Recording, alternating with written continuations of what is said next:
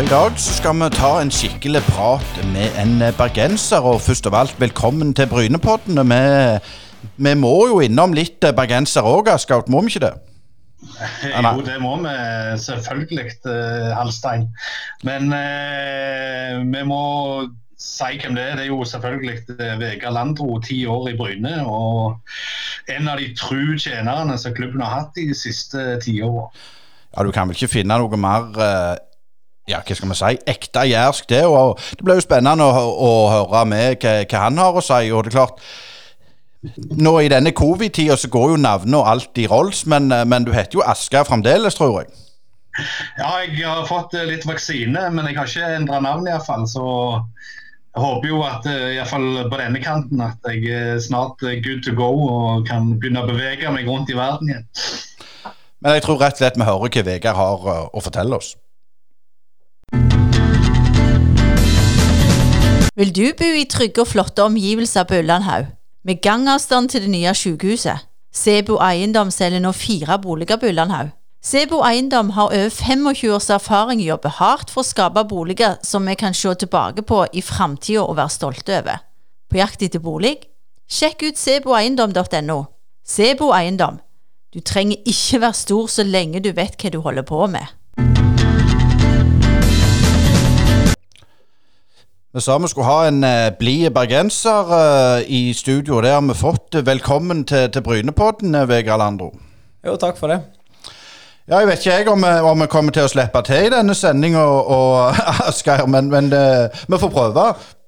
Ja, Nå eh, kjenner jeg jo Vegard fra gammelt, som jeg sier. og så Han er jo nokså støtig av seg. Han eh, er jo ikke den verste bergenseren. Men, men Vegard, eh, vi vet jo du er bergenser. og hadde vel dine ungdomsår i Brann, men, men, vi vet litt lite om, om året før det. Altså, hvordan var din fotballkarriere? Hvor, hvor begynte den, og, og hvordan utvikla den seg? Jo, den uh, begynte i Sotra, uh, ute på vest i havet. Uh, fra, fra var vel frem til tolv år ca. Uh, da flytta vi til Loddefjord, og så spilte jeg da i Vadmyra i tredje divisjon frem til jeg var 16-17 år, før jeg eh, begynte i Brann på juniorlaget der. Og hadde et, eh, ett år på juniorlaget før jeg ble tatt opp i Asdal. Og hadde vel eh, tre og et halvt år i Brann. Eh, der jeg trente fast med A-laget og eh, hadde Teito Tordason som eh, A-lagstrener. var jo på en måte, hadde en drøm og et håp om at jeg skulle få muligheten når Germund Brendesæter la opp. men så fikk Teito Tordarsson sparken, og Mjelde tok over. Så da eh, ble det litt endringer der. Så da gikk veien videre til Kongsvinger, så jeg var i halvannet år. Eh, og hadde egentlig god suksess der. Kom innom eh, U21-landslaget mens jeg var der. Og eh, fikk kvalik med, med Kongsvinger, der vi tapte 5-6-1 var det vel mot Bodø-Glimt i kvalikkampene. Og så gikk det et halvår der jeg eh, ikke spilte så mye. Savner nok litt tilbake igjen til Bergen, både til forloven min som bodde der, og til familie. Og, ja. Så da reiste jeg tilbake til Løvam og spilte der i halvannet år med Magnus Johansson som var trener. Før jeg endte opp i Bryne, som eh, kan jeg vel si ble klubben min da de neste elleve årene. Men Jeg har lyst til å, dra tilbake litt til Brann-tida, for, for Brann er vel drømmen til alle bergensere å strile og spille for. Eh, og Det er jo en klubb som dominerer vanvittig i, i, i Hordaland òg. Altså, de andre klubbene som du nevnte, Løvhavn og nå Øygarden og Sotra, sånn, de, de, de, trekker jo ikke særlig mye folk på kampene. Sånn. Det er Brann det handler om der oppe, er det ikke det? Jo, det er jo ikke tvil om det. Og det er jo sånn, Vi snakker om at det er fotballinteresse i Bergen, men det er jo ekstremt branninteresse. Eh, og det var jo sånn, Jeg har jo gått på brannkamper fra jeg var liten, og alltid drømt om å spille for Brann. Og fikk jo debutere på Brann stadion og fikk eh, vel tre kamper for Brann. Så det var jo noe jeg virkelig hadde drømt om og, og håpte jeg skulle få til. Eh, men så var jeg eh, Ja, hadde jeg vært god nok, så hadde jeg spilt der. Men eh, det ville seg ikke sånn. og så det var jo på en måte et nederlag når jeg måtte reise fra, fra Brann og ikke fikk fortsette der og reiste til Kongsvinger. Men jeg håpte jo kanskje en gang å komme tilbake igjen, men sånn ble det ikke. Men det er nok eh, de fleste bergensere som spiller fotball sin drøm å i hvert fall være innom Brann. Men du var jo sånn røftlig 20 år når du, når du reiste til, til, Kongsvinger. og hvordan var den overgangen for en, for en ung, eh, solid kar som deg, Vegard?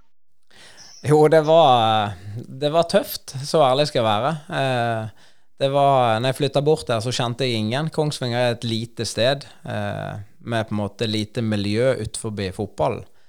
Og jeg husker ennå jeg satt i leiligheten og ringte hjem og var sånn Uff, hva i all verden har jeg gjort? Eh, det som var fordelen min, var at jeg lykkes for så vidt bra på banen den første åtte-ni månedene. Da spilte jeg alt og var fast. og Fikk òg kommet innom U21-landslaget, som gjorde at trivsel var bra. Eh, så knakk jeg foten siste, siste del av året, første året der, og som òg prega oppholdet videre. Eh, for det var nok ikke en plass som Eh, så det var så mye å gjøre utenom å spille fotball. Eller, eller snakke med, med, Levi Henriksen, som jo er en uh, ihuga Kiel-fan. Men, men altså, du, du brakk foten U21 i den tida. Hvem var det da du spilte i sammen? Da var vel jeg Hvem spilte med da? Nå må jeg tenke tilbake. Jeg vet i hvert fall at Kristian Grindheim var jo der. og så Jeg klarer ikke helt huske tilbake igjen hvem som var der. Men det var jo den tre og 80-årgangen. Jarstein var der vel. Uh, han er 84, men jeg mener han var innom der. Ellers så husker jeg faktisk ikke helt tilbake. Jeg var ikke på mer enn eh, to samlinger, så det var ikke Jeg hadde ikke en lang karriere der.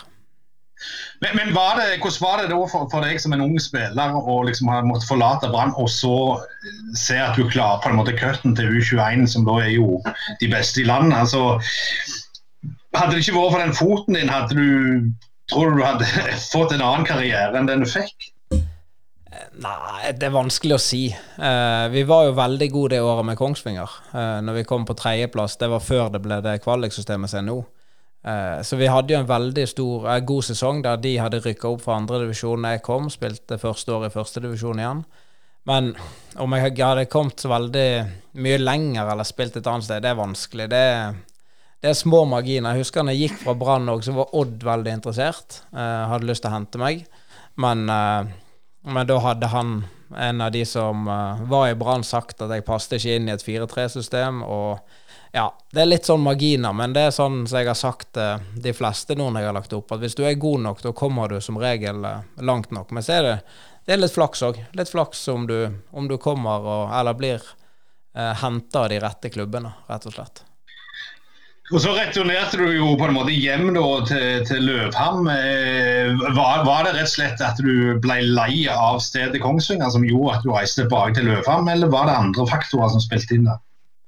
Ja, det var jo litt at jeg rett og slett savna litt hjem. Eh, jeg gifta meg òg den sommeren med, med kona mi. Eh, og hun flytta bort, det var vel tre uker hun var på bryllupsreise der borte før vi flytta hjem igjen. Så, men det var litt savnet, rett og slett. Da satt jeg en del på benken òg den våren. Magnus Johansson hadde jo prøvd å hente meg til Løvam et par år før, og når jeg reiste til, til Kongsvinger, og da var Løvam i førstedivisjon. Men da tenkte jeg nok mer at ok, nå reiser jeg hjem, spiller for Løvam. Vi hadde vel syv poeng når jeg kom den sommeren. tenkte på en måte at det ble litt sånn trappe ned og skulle begynne å studere. og og så på en måte ikke for meg at jeg skulle fortsette å spille så lenge i førstedivisjon som jeg gjorde. Løvhamn var vel eh, tolag i, i bergensområdet på den tida, var det ikke det? Jo, da var det det. For da var jo Åsane rykt ned, og de eh, var jo et middels andredivisjon. Og Sotra var jo heller ikke oppe i noe førstedivisjon, så det var på en måte Løvam som var toerklubben i Bergen, da. Ja, og Fyllingen hadde vel eh, på en måte gått i oppløsning. Men, men eh, Magnus Johansson, eh, vi kjenner han jo fra Bryne, men eh, kan du si litt om tida med han i Løvam først?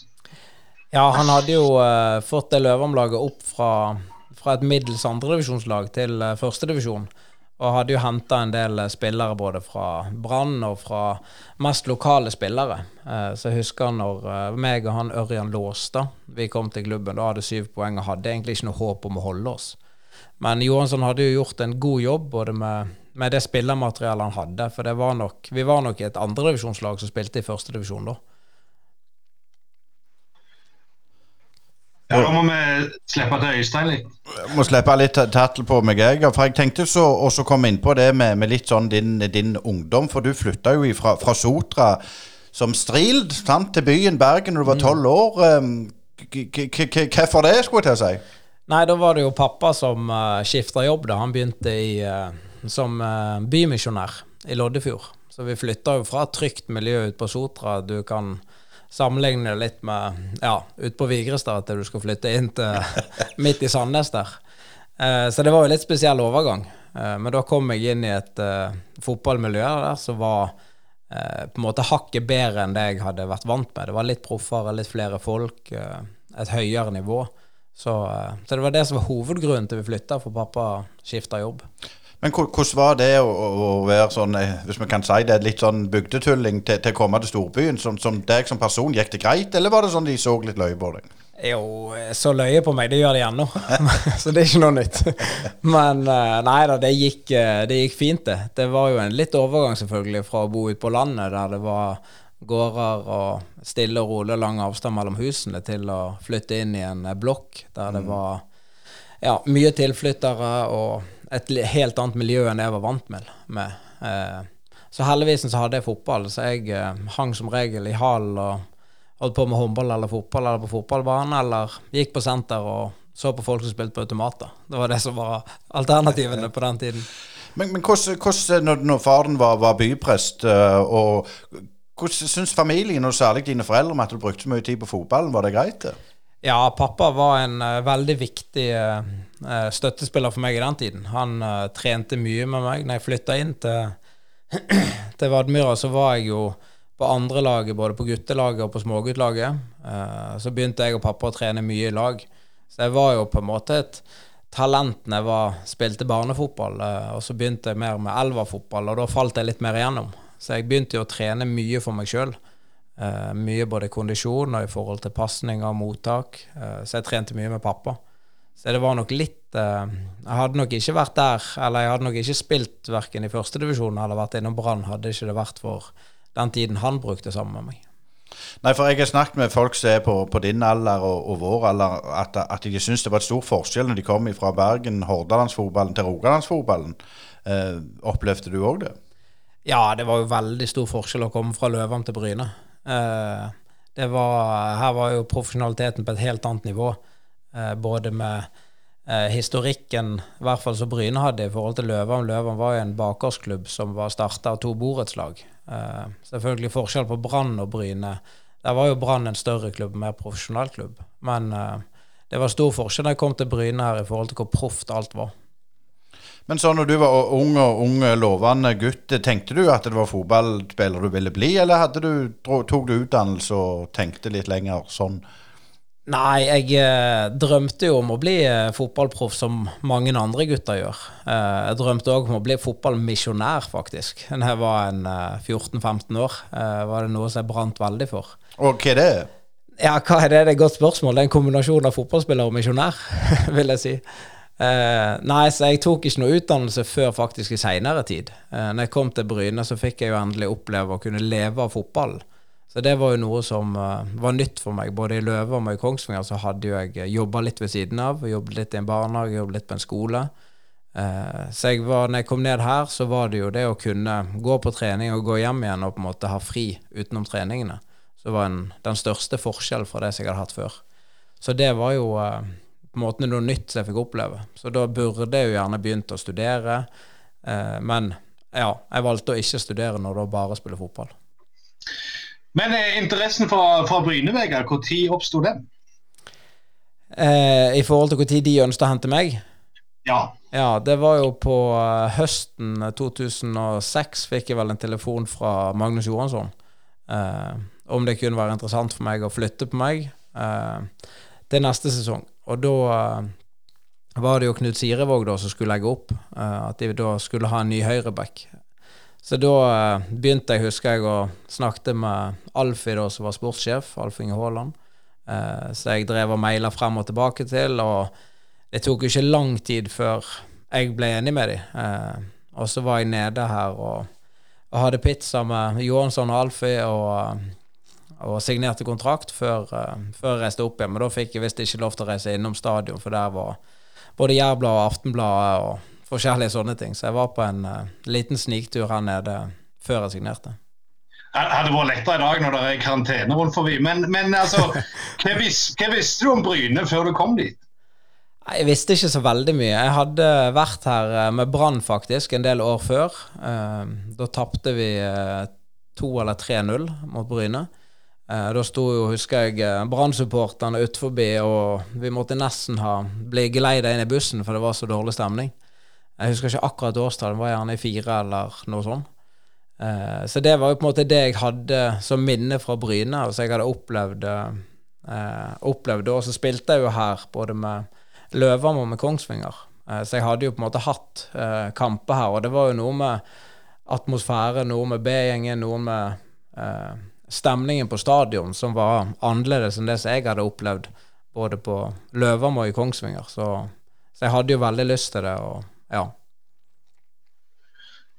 Ja, men Den store forskjellen fra Kongsvinger er jo selvfølgelig at for det første at du var en gift mann, men det andre, altså hvordan var det sosialt å flytte til Bryne? Jo, det òg var jo veldig stor forskjell. Eh, når jeg kom til Bryne, så eh, kom vi inn i en menighet i Bedelskirken. Eh, der fikk vi jo plutselig en haug med, med, venner uten at, uh, utenom fotball òg. Så det gjorde jo at både jeg og kona hadde jo et miljø eh, utenfor fotball. For jeg hadde jo mine kompiser på laget, Eh, men det gjorde òg at hun fant seg lettere til rette. Så det, så det var jo en veldig eh, pluss og bonus for oss at vi fikk et eh, miljø utenfor fotballbanen. Men Hvem var det du eh, holdt på å si, fikk best kontakt med til å begynne med i, i klubben? nå? I klubben var det vel uh, Skydland spilte jo her. Uh, Vidar Nisja var her en liten periode. Og Jakko Nyberg hadde jo jeg spilt med i Kongsvinger, så han kjente jeg jo fra før. Så det var jo Skydland og Jakko spesielt jeg, jeg var nok mest med. og han Jakko sin kone og Kjersti kjente jo hverandre litt òg, så de var det nok. Det var nok han jeg var mest med, med de på laget. Før jeg slår en eh, Tiago-pasning til, til, Øystein her, så har jeg lyst til å spørre deg litt. altså Magnus i Bryne kontra Magnus i Løvham, eh, kan du si noe om det? Ja, det var jo stor forskjell. I, uh, i Løvham så var det på en måte få som brydde seg om vi vant eller tapte, om jeg kan si det sånn. det var ikke, det sto gjerne en liten notis i BA eller BT, og spillerne hadde på en måte aldri hatt uh, så mange bedre trenere enn Magnus Johansson. For det, vi kom fra lavere klubber, de fleste av oss, og hadde ikke vært innom verken førstedivisjon eller de andre. De fleste hadde rykt opp med Løva, og hatt litt lokale trenere. Mens når vi var her i Bryne, så gikk det jo ikke mange måneder før han fikk sparken på det, det halvåret han henta meg. Så det var et helt annet trøkk rundt, rundt, klubben, og det var mye mer erfarne spillere eh, som vi hadde her i klubben. Det var jo spillere som hadde spilt fast i Tippeligaen i mange år, og så hadde en helt annen eh, autoritet, for å si det sånn, enn eh, spillergruppen hadde i Løver. Der var det mer sånn OK, vi fulgte mer det som treneren sa, uten at vi hadde så veldig mye innvendinger hvis eh, Ja så det var veldig stor forskjell på det å, tenker jeg, som eh, for hans del, å trene Løvam kontra Bryne. Uh, ja, Du snakket om Skytland, eller Kytland, som vi sier her på Jæren. Så du, har ikke, du er ikke blitt jærbu i språket, hører jeg? Nei, jeg, eh, når jeg er hjemme i Bergen, så sier de at jeg snakker jo som ja, Jeg vet ikke hva jeg skal kalle det. Men da blander jeg jo knoter veldig. Og jeg merker når jeg snakker med ungene hjemme òg, da blir det fort knoting i språket. Så jeg jeg er nok ikke stolt av akkurat sånn som jeg snakker i forhold til å ta vare på bergensdialekten, men sånn blir det vel. Men, men bare litt Kona di, hun òg er fra Bergen, stemmer ikke det? Jo. Mm.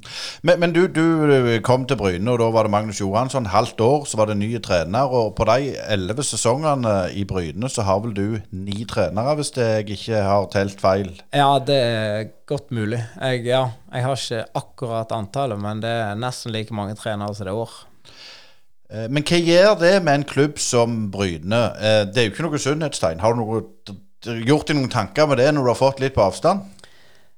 Ja, jeg har gjort meg noen tanker underveis òg når jeg spilte. Eh, det er jo sånn Vi snakker jo om at vi skal på en måte Noe av utfordringen tror jeg var at hvert år så skulle vi rykke opp. Det var jo hele tiden I år skal vi rykke opp. I år skal vi rykke opp. Spørsmålet er om vi var gode nok, og når vi var gode nok til å rykke opp. For vi lå jo det var jo første året tror jeg jeg var her. Da hadde vi vel en syvendeplass eller noe sånt. Eh, og så holdt vi på å få kvalik med, med Ola eller med Tommy. Eh, til, da var vel, Vi tapte hjemme siste kamp, og Mjøndalen vant borte, så de kom opp på sjetteplass. Men ellers det har vi jo lagt ned på mellom tiende- og trettendeplass sånn jevnt over. eh, eller tolvte, eller hva det var. Så det er nok litt med det at vi har eh, gjerne trodd at vi har vært bedre med hvert òg. Og det har vært et press på å trene, og de har ikke fått den tiden de kanskje burde fått eh, til å bygge et lag. Men nå sier du kanskje, for du har jo vært i kapteinsteamet og vært tett på. Ja. Eh, har, har, eh, har de fått for lite tid, eller er det noe Altså det er klart, Hvis en trener taper garderoben, så er han jo ferdig. Følte du på deg Tapte de garderoben, eller gjorde styre og stell litt grep litt for tidlig i dine øyne? Eh, noen ganger så var det nok gjerne at det skjedde ting for fort. Eh, de fleste trenerne jeg har vel hatt, har vel fått sparken, om ikke alle. Eh, så har de jo enten Ja, hvis ikke sånn så Mjelde var vel eneste som var innom og ikke fikk sparken, men han var jo bare på en kort periode. Eh, men det er, jo, det er vanskelig, sant. For jeg har jo spilt med telt over, det var vel rundt 130 spillere på de elleve årene. Så det er når du begynner å se litt på tall i forhold til det og så mange trenere, så er det vanskelig å bygge kontinuitet og bygge rett og slett et lag eh, over tid. Så også hvis du da har en trener som spiller én type fotball, og så får han sparken, så kommer det inn en ny trener som spiller en helt annen type fotball. Så må du skifte ut halve stallen fordi det passer ikke inn med måten han skal spille på. Så det er jo litt eh, sånn jeg har gjort meg opp noen tanker om i forhold til om det kunne, burde eh, vært en mer rød tråd. I, på en måte. For når jeg kom her, så var det jo mer den jærske drivkraften. Sant? Det, hadde vært, eh, det var på en måte hardt arbeid, det var skikkelig jobbing. Og så kom Johansson. Han hadde jo en litt mer fin, finere måte å spille fotball på. Litt mer ballbesittende. Eh, litt denne på en måte som jeg husker Bryne for når jeg spilte her både med Kongsvinger og med Løvam, i forhold til at de løp til de spydde, og det var takling, og det var på en måte mye lokale. Eh, til at vi begynte å hente mer bergensere, annet. eh, og folk fra Østlandet, og folk rundt om i verden, rett og slett. Eh, så det har jo vært Ja, det er vanskelig å si, sitte i ettertid og si at sånn og sånn burde det vært gjort, og da hadde ting sett annerledes ut. Eh, klubben har nok lært mye av det som har skjedd. Nå er vi heldigvis oppe igjen i, i førstedivisjon, så får vi håpe at nå får vi bygd laget over tid. Både med de spillerne som er, og fått opp lokale, og unge spillere som, eh, som kan ta og heve oss litt etter litt, uten at vi nå skal gå for neste år og si at nå skal vi plutselig rykke opp til Tippeligaen. Eh, at det blir mer stegvis. Vegard, du nevnte at du har spilt med røftlig 130 ulike spillere gjennom de 11 sesongene du har for klubben. Eh, Nå skal ikke jeg be deg om å gi karakterer til alle, men, men eh, det har vært litt interessant å høre litt om, om, noen av de som du har spilt med, som du syns har utmerka seg eh, positivt. altså har vært ganske gode og som potensielt kunne blitt bedre, som ikke nødvendigvis har blitt det. Men, men hvis du kan nevne sånn fem-seks karer du har spilt med som, som tenkte wow, dette er liksom et, et annet nivå. Ja, eh, jeg kan begynne bakerst. det er jo, Han er jo sikkert nevnt mange ganger, men Roger husker jeg var jo den spilleren som jeg eh, satt ved siden av jeg kom til klubben. Eh, og det var jo en så det oste på en måte respekt av. Uh, han hadde på en måte en autoritet, og han kunne jo helt sikkert spilt mange steder. Han har jo vært her og snakket òg. Uh, men han var jo på en måte en spiller som eh, Så du hadde enormt respekt for, samtidig som han brydde seg om folk. og så spilte jeg jo, var jo jeg spilte jeg med Stokkeland. Han òg var jo enormt god når han var skadefri. han var jo litt uheldig da fra jeg kom, at han hadde noen perioder med skader. Men uh, var jo på en måte en fotballsmart, og når han var skadefri, så var jo han ja, den desidert beste. Uh, og så er det jo spillere som eh, Midtsideren òg var jo en god spiller. Eh, hadde en enorm fot, enorm fotballforståelse. spilte jo back etter hvert. ja. Og så nå har jeg nevnt tre. Hvem andre skal jeg her skulle jeg skrevet ned på forhånd, så skulle jeg satt opp et par lag. men, uh, men, så hadde du en som het Jarle Steinsland, som dere kanskje husker. Uh, som òg var en sånn spiller som jeg syns var meget god. Det var ikke så ofte du Når vi skulle ha løpetrening, så var vel han den som alltid var sist. Men når vi spilte, så var jo han en av de som var mest på når vi spilte kamp. Hadde en, en god fot, jobbet bra. Var en spiller som Haugesund Jeg er usikker på om de kjøpte han eller om han gikk gratis. Men jeg husker når vi mista han, så mista vi mye sentralt der. Espen Ertz var vel en spiller som alltid ga alt for klubben. Eh, var begrensa i forhold til teknikk og i forhold til eh, i forhold til det fotballmessige, men det var en du virkelig ville ha med deg i krigen.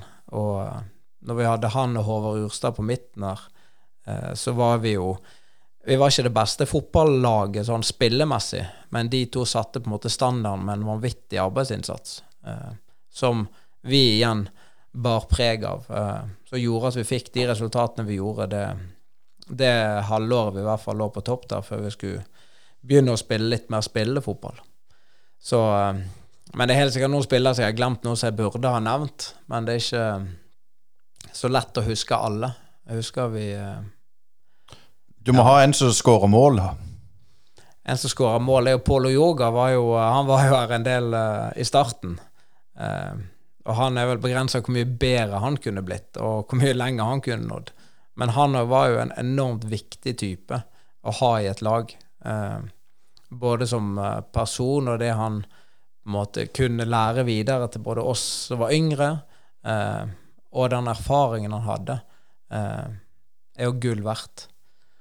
Og andre målskårere hadde vi, da. Men, men litt innpå det du sa med Du nevnte Håvard Urstad. Det vet jeg Tommy Bergersen har uttalt at uh, er det noe han treger på, blant annet, og så var det han, han, de solgte han. For det, det du var inne på, at dere skulle liksom spille mer sexy fotball, og da var det grovarbeiderne skulle vekk. Mm. Var det noe dere i spillergruppa merka? For dette var jo liksom litt Altså, det var jo ikke noe som trenere og spillere diskuterte, det var jo liksom rundt klubbhuset merker dere noe av den mekanismen som foregår? Ja, rundt klubben, tenker du? Ja. ja. Jo da, du merker at folk begynner å snakke og sånn, men akkurat i den perioden med Bergersen, når vi hadde vært veldig god første halvsesongen, eh, og skulle begynne på Men noe av utfordringen var jo at de andre lagene begynte å skjønne mer hvordan vi spilte. Vi hadde Oddbjørn eh, og Aran på topp, eh, som òg var jo fantastisk den sesongen. De hadde vel vet ikke hva de hadde, 20-30 mål, eller hva det var. Eh, så de var jo òg enorm den sesongen. Men da begynte folk å De andre lagene tok oss mer seriøst. Vi slo mye langt, spilte på andre baller. Eh, måtte begynne å utvikle spillet litt etter hvert. Eh, og vi, folk var jo for så vidt fornøyd på tribunen, eh, for vi vant jo kamper. Det var jo mer enkelte spillere gjerne som ville at vi skulle spille en litt annen type fotball. Eh, som ikke var så ja, kick and run, hvis du kan si det sånn. Men så ga det jo oss resultater. Vi vant jo masse kamper når vi spilte på den type Eller den måten vi gjorde på.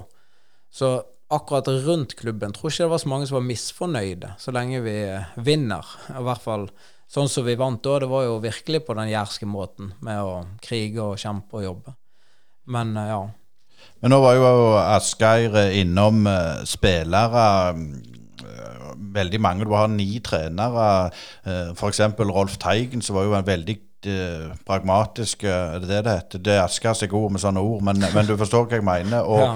ifra, fra Tommy Bergersen, som var spiller sjøl og mm. sto gjerne for en litt annen type fotball. Hvordan, var det for deg? Var, du var jo med på alle disse her. Klarte du å omstille hodet? Altså, det har du gjort, for du har jo spilt under alle.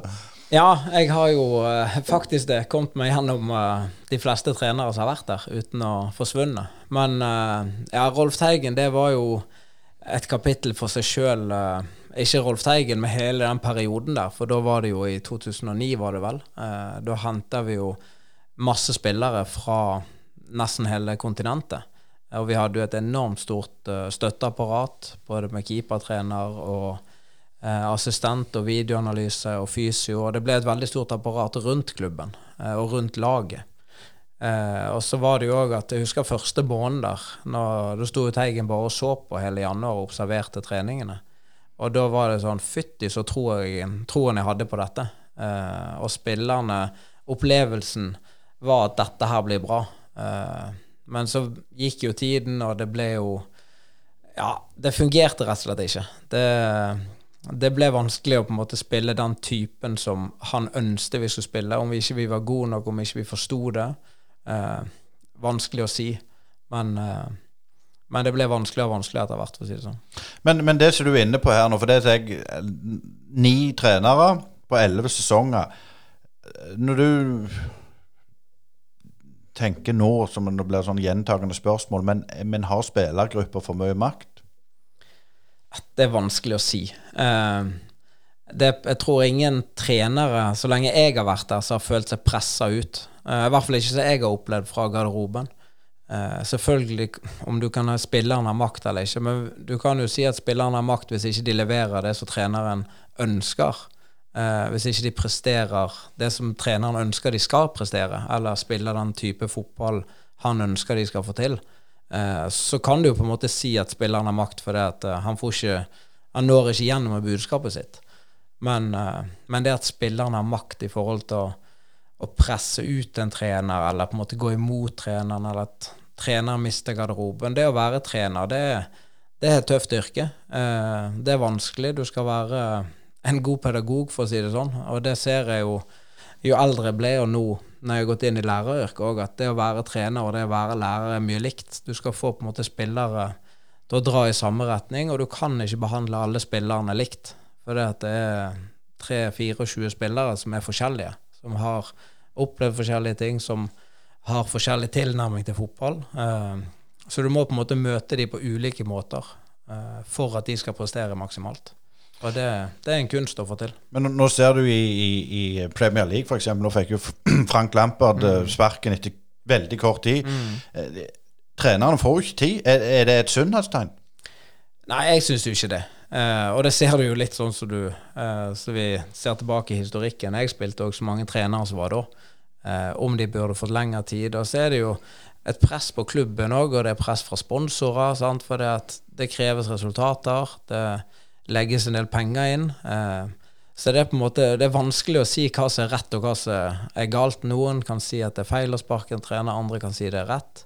Eh, når du sparker en trener og du får resultatet etterpå, så blir du hylla. Når det ikke går bra, så ja, blir du ikke hylla. Så det, det, er veldig vanskelig å si, for det er mange ting som spiller inn her i forhold til økonomi, i forhold til interesse. Hvis interessen forsvinner fra et lag, og du skal beholde treneren lenge, eh, så går det dårlig økonomisk. Så det, det er dessverre ikke noe fasitsvar, tror jeg. Eh, men samtidig eh, Vegard, så er jo du spilt i en tid der det har vært en vanvittig utvikling altså, rundt fotballen. altså Dette med sportsvitenskap eh, og, så videre, og målinger og sånne ting. Kan du si litt om treningskulturen du har opplevd i Bryn de årene? Har det endra seg noe? Er det som det burde vært, eller var det ting som ikke fungerte helt med, med tanke på altså, at en trente riktig og nok og sånne ting? Ja, det har jo utvikla seg veldig. Jeg, eh, når jeg kom her, så løp vi jo uh, 3000 meter, tror jeg. Uh, så var på en måte det som var kondisjonsøkten da. Løp 1000 meter og så litt pause, og så 9000 meter. Til Sånn som nå, så er det jo mer eh, utvikla i forhold til å se hvordan de gjør det i andre land, og hvor langt fram de er kommet der. Sånn som Even er jo god på det. Eh, han er jo mer av den nye skolen, hvis du kan si det sånn. Eh, så det er jo klart at fotball har utvikla seg veldig fra der alle skulle løpe fire ganger fire eller løpe en time rundt, rundt og rundt, til uh, mer individuelt tilpassa. Om du er midtbanespiller, så må du ha den type kondis. Om du er back eller spiss, så må du ha den type kondis. Så, og så er jo dette et økonomisk spørsmål òg, for skal du klare å få til uh, dette, så kreves det jo en del utstyr for å kunne måle, uh, for å få det helt optimalt. Men trening er på en måte gratis. Uh, det å være godt trent, det, det, koster på en måte ingen penger. så det er jo det som jeg tenker at en klubb som Bryne eller andre klubber som vanligvis ikke har de største økonomiske pengene, at det å være godt trent, det, det er gratis. Når du snakker om penger, så var jo du i den perioden at eh, klubben måtte begynne å kutte, og dere måtte vel gå over til å være fulltid deltidsspillere. Hvordan var den overgangen der for deg? Jo, det var en spesiell tid. Jeg, eh, jeg husker da når spillere begynte å få uh, oppsigelser. Uh, noen var ute og gikk tur og fikk en oppsigelse levert på fortauet når de var ute og gikk med ungene. Så det husker jeg var en, en kjip periode, rett og slett. Eh, det var tøft både for klubben, det var tøft for spillerne. Eh, det var tøft for alle. Eh, det var ikke på en måte Det er ikke noe av det jeg husker som var positivt. Men uh, samtidig så måtte det kuttes i kostnader. Men det kunne nok vært gjort på andre måter hvis du, uh, hvis du skal se tilbake igjen og tenke på det menneskelige oppi dette, så var det nok ting som kunne vært gjort annerledes på, på enkelte spillere, men eh, ja. Det var Nei, det var ikke en kjekk periode. Nei, Jeg syns jo mest du var litt sånn litt milde nå, for det var jo, det var jo en, en krisetid. Ja, det var det. Det var, en, det var en krisetid, og det var flere ganger vi fikk beskjed om at uh, nå kan det være klubben går mot konkurs. Og vi hadde NISO på besøk opptil flere ganger i forhold til å uh, forhandle fra oss spillernes side mot klubben, der de skulle stå i ryggen for oss. Og det var, ja, det var en tøff periode for uh, ja, både spillere og ledere, og de som sto i dette, som skulle ta disse avgjørelsene i forhold til å kutte på, kutte på lønn og kutte på kostnader som klubben hadde. Så det var Men hvor lenge tid snakker vi om i denne perioden? Det var jo gjerne et, eh, et halvår, rundt et halvår, et år, tipper jeg, eh, der det pågikk. Der det var Der klubben prøvde gjerne å få spillere til å enten flytte på seg eller uh, si opp kontraktene sine for å, for å spare rett og slett lønnskostnader. Men hadde du i den perioden Vegard, da måtte du vel begynne å jobbe, eller det var vel en del som måtte begynne å jobbe på sida av fotballen, men, men, var det en tid der du vurderte å, å, finne på noe annet, eller gå til en annen klubb? Eh, nei, eller det var vel gjerne én sesong, tror jeg. Eh, men det var ikke når det var på det mest harde økonomisk. Eh, så jeg var på vei gjerne, eller til en annen klubb. Uh, ellers så ja, du må jo si hvem det var. Ja, da var jeg på vei til uh, Hønefoss. Det var snakk om jeg kanskje skulle der. Uh, men så ble jeg enig med klubben på en måte i desember. eller her på Bryne. Men da når vi på en måte ble kutta i lønnskostnadene, så, så var det aldri jeg tenkte at jeg skulle reise eller flytte eller gjøre noe annet. Men hvordan eh, var den, eh, den der Ja, Hønefoss, det var i, i Smerud sin tid Hønefoss går ut ifra? Uh, ja, jeg tror Ja, stemmer det. Men, men, hvordan gjorde du det altså rent praktisk? Du hadde vært på Bryne noen år osv. Hvordan, hvordan ble holdt på å si, livet på Bryne etter som året gikk? Følte du deg mer lokal ettersom tida, tida skreit fram? Ja, vi hadde jo, jeg signerte jo først en toårskontrakt uh, med opsjon på et tredjeår hvis jeg spilte 50% av kampene. Uh, men så viste det seg at den var ikke godkjent fra forbundet. Så da var det vel, eh, tror jeg, rett før seriestart så gjorde vi den om til en treårskontrakt. Så jeg hadde jo ikke sett for meg at vi skulle bli her mer enn de tre åra, egentlig. Uh, men så er det jo merkelig med fotball at signerte jeg den ene kontrakten etter den andre. og jeg skal vel ikke si at jeg følte meg lokal noen gang, men du får jo en både følelse for klubben og for stedet. og eh, Vi hadde jo et hus helt til de siste eh, to åra, eh, før jeg la opp. Hadde vi et hus i Bergen som var planen vi skulle flytte tilbake til. Men så, eh, så fant vi ut at vi ønsket å bo i hvert fall ett år etter fotballen, og se hvordan det var. Om det var, ja, om det var på en måte bare fotball som holdt oss her, eller ja, men nå har vi fått masse gode venner her, og det er på en måte dette som er blitt uh, hjemmet vårt. Eh, men du har jo òg vært litt uh, med i, i styre og stell i sportslige utvalg. Vel, holdt på å si, er du med det nå? Det burde vi jo ha sjekket, men Ja, jeg sitter i sportslig utvalg nå. Men, men, hvordan er det dere jobber? Altså, fortell litt om den posisjonen din der. Jo, nå har jeg vært der i to-tre år, er det vel. Eh, jo, da sitter vi og så snakker vi litt om Spillere som eh, kan være aktuelle. Eh, vi ser litt på eh, strukturen i klubben fra barnefotball og opp til A-lag. Ser litt på både Ja, ser hvordan damefotball har gått mer og mer frem i lyset, som er positivt. Hvordan de kan bli mer inkludert, både i klubb og jentefotball òg, som det kom flere og flere jenter som spiller fotball i klubben, så er kjekt. Så det er på en måte vi prøver å se på helheten. hvordan hvordan klubben er bygd opp i ja, forhold til sport. Ja, bare avbryte litt der. For dette du snakket om, da var du savna litt rød tråd når du var spiller sjøl. Mm. Er det noe du tar med deg inn det nå? For, for, for klart, utviklingsavdelinga, sånn som jeg ser det utenat, så er jo Er det òg variabelt, hvis det går an å si det? Ja, og det er jo det òg som uh, Selv om vi er jo et hørende organ, vi har jo ikke noe mandat til å ta, uh, ta avgjørelser. Uh, men vi kommer med innspill til styret, eh, og da ser vi jo litt på sånn i forhold til eh, hvordan vi kan bruke penger i forhold til ungdomsavdelingen, hvordan vi kan få frem egne talenter. Eh, eh, for å på en måte fostre opp de, for at vi skal ha et godt tilbud til 13-14-15-16-åringer, eh, så ikke de skal reise inn til Sandnes eller til Stavanger eh, for å spille i Sandnes og Viking, men at vi skal kunne eh, gi dem et likeverdig tilbud, eh, om ikke bedre, enn det de har innover. Så det er jo litt det vi jobber for, at, vi skal, at ikke folk skal reise fra Nærbø og Vigrestad og så forbi oss og innover for å, for å ha en, en måte, helhet i klubben.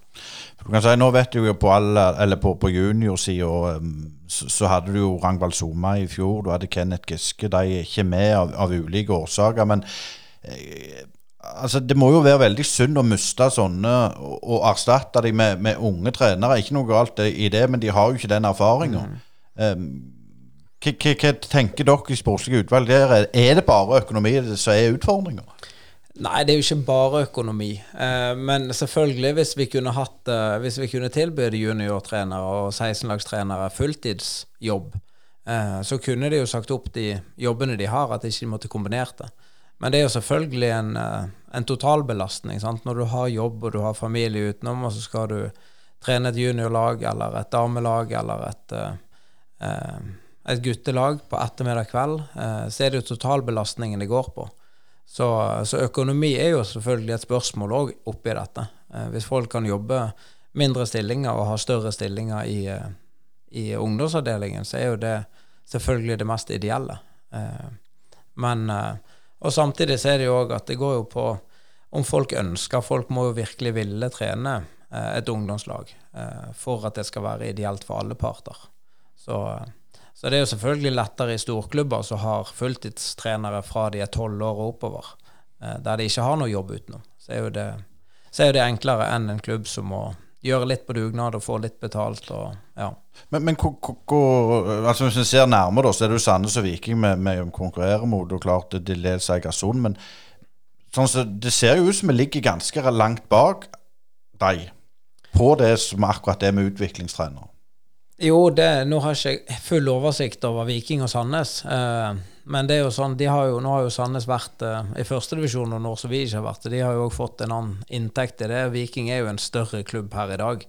Eh, har jo et større eh, både anlegg og inntekter. Eh, de har selvfølgelig òg mer utgifter. Eh, men akkurat nå så er, jo, så er vi kanskje bak de, og det er jo det vi òg må tenke på, at vi må jobbe oss på en måte At ikke folk skal reise seg, sa i sted, inn til Sandnes og Viking, men at vi eh, beholder de her så lenge som mulig. Ja, Asker, det er viktig med utviklingsarbeid, og det er noe som vi òg er opptatt av.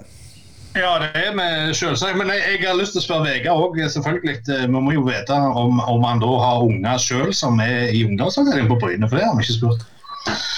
Ja, nå har jeg eh, han minste gutten han spiller på gutta syv, så de er jo et uh, stort kull på 28 spillere. Så der er jeg uh, med som trener, og så er jeg med hun uh, eldste jenten min på jenter tolv, blir det vel. ja. Så der er vi òg en gjeng som er med og trener de. Så det er, det er, veldig kjekt å være rundt barnefotball og være på en måte på stadion på, på ettermiddag kveld og se hva som rører seg. For det er enormt mye spillere og enormt mye aktivitet i klubben. Uh, og masse foreldre som uh, bidrar med, med, god måte dugnad i forhold til å trene lag. masse, Så det er masse god aktivitet. Så det er på en måte noe som jeg ikke så når jeg spilte sjøl. Da var det mer uh, Da tenkte jeg at det var A-laget som var på en måte uh, det som var i Bryne. Men det, det, har på en måte fått øynene opp for noe alt som skjer både på ettermiddager, dugnad av foreldre og frivillige som går for at for at det skal være optimalt for eh, barnefotball og ungdomsfotball. Så det, det er veldig kjekt å se. Men eh, altså, de eh, Det skal mye til være i 20-åringene, husker jeg, men de jentene som, du, som dattera di spiller på, sånn, er det noen som kommer bort og sier ja, Vegard, liksom, vi husker deg fra, fra kamper sånn og sånn, eller begynner det å bli for, for mange år siden alt?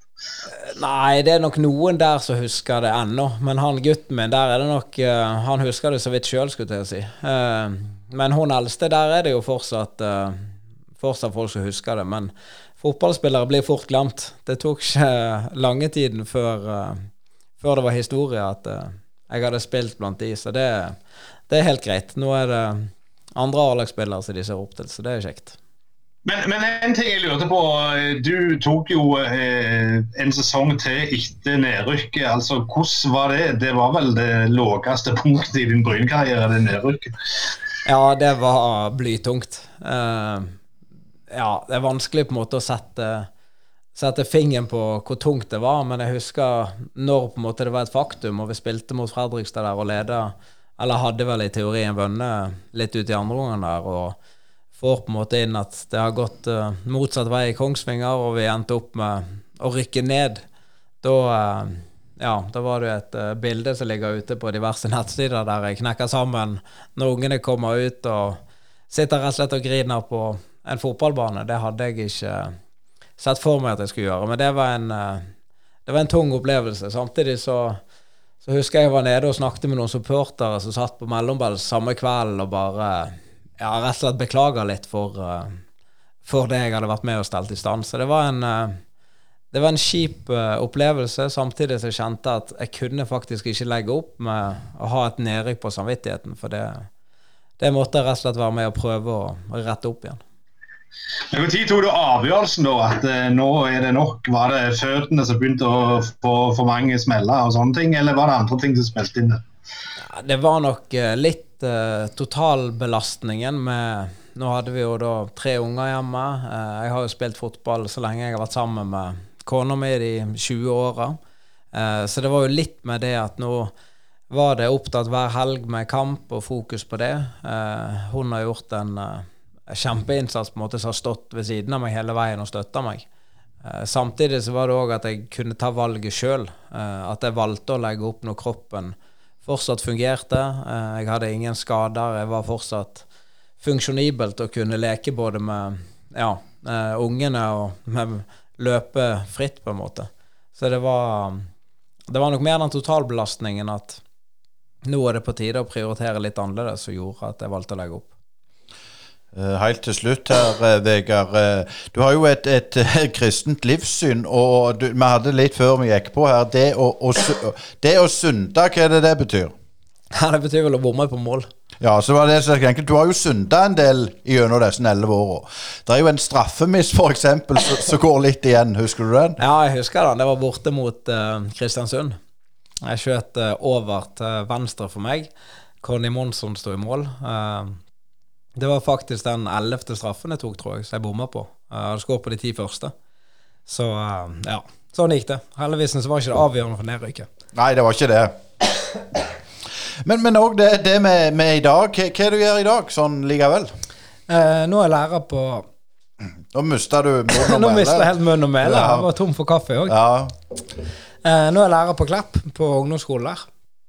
Så nå var jeg ferdig med paden i fjor sommer. Ja. Så da har jeg fått fast jobb på Klepp ungdomsskole, så det er veldig mm. kjekt. Men, men da må vi jo spørre Vi har jo en, en, en eh, Asker er jo i, i uh, Jesu Nå skal ikke jeg begynne å si noe feil, men har du noen spørsmål om hvordan det er å være der nede? Helt på tampen, Vegard. Ja, det var som jeg sa i sted. Du er heldig som Israel, men hvordan, hvordan er stemningen der i forhold til korona og alt? Nei, altså Stemningen i forhold til korona er jo eh, laber. Det er jo mye korona, men heldigvis har vi eh, kommet eh, ganske langt i vaksineringsprosessen. Det er så langt at jeg fikk eh, en SMS eh, nå på, på, søndag der jeg kunne komme og vaksinere meg. Så da ja.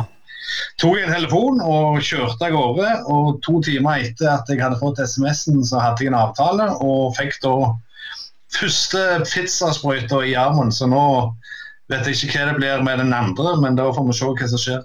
Ja, hørtes jo veldig bra ut. Ja, det er godt å ha fått det gjort. Ellers så bor jeg i Galilea, som du vel kjenner fra skriften. og Ca. tre mil nord for Genesaret. Ja, jeg har aldri vært i Israel, men uh, jeg kunne absolutt tenkt meg en tur. Og da har jeg vel kanskje et bosted hvis jeg reiser ned der. Sofaen står klar. Det høres veldig bra ut. Kjempeflott. Tusen takk for du stilte opp i Brynepodden, Vegard Landro. Bare kjekt. Vil du bo i trygge og flotte omgivelser på Ullandhaug? Med gangavstand til det nye sykehuset. Sebo eiendom selger nå fire boliger på Ullandhaug. Sebo Eiendom har over 25 års erfaring og jobber hardt for å skape boliger som vi kan se tilbake på i framtida og være stolte over. På jakt etter bolig? Sjekk ut seboeiendom.no. Sebo Eiendom. Du trenger ikke være stor så lenge du vet hva du holder på med. Fra et vinterkaldt eh, studio så lakker det og lir mot eh, sesongslutt, skulle jeg til å si. eh, Slutt på, på denne episoden, Asgeir. Det det var utrolig interessant å høre hva Vegard hadde å berette. Ja, jeg var først og fremst veldig gildt å snakke med Vegard Landro igjen. Jeg har ikke snakket med, med han siden jeg dekte Bryne tett. Det er kanskje en, sånn halv gang eh, på det. så det var veldig gildt å få hans eh, historie og hans tid i Bryne og hans fotballkarriere. og eh, Det var godt å på en måte rulle i gang igjen, for nå er det eh, snart februar. Ja, og nå begynner jo snart eh, treningskampene å, å rulle. Så det skal bli interessant. Og så var det også spennende å høre. Han er jo i sportslig utvalg, og han, han savna litt den røde tråden han spilte sjøl, med elleve sesonger, ni trenere. og Vi får håpe at han får litt eh, orden på i lag med, med Roger Eskeland i, i ungdomsavdelinga. For klart, det er nok en jobb å gjøre der òg. Ja, det er klart. Og, og skal Bryne eh, på en måte bli en faktor på sikt, så må de jo begynne å produsere egne folk, eh, så det at de kan holde økonomien under kontroll. Og Det skal bli spennende å se hva de får til der på sikt. Det er alltid en jobb å gjøre, selv om vi er nå i Obos.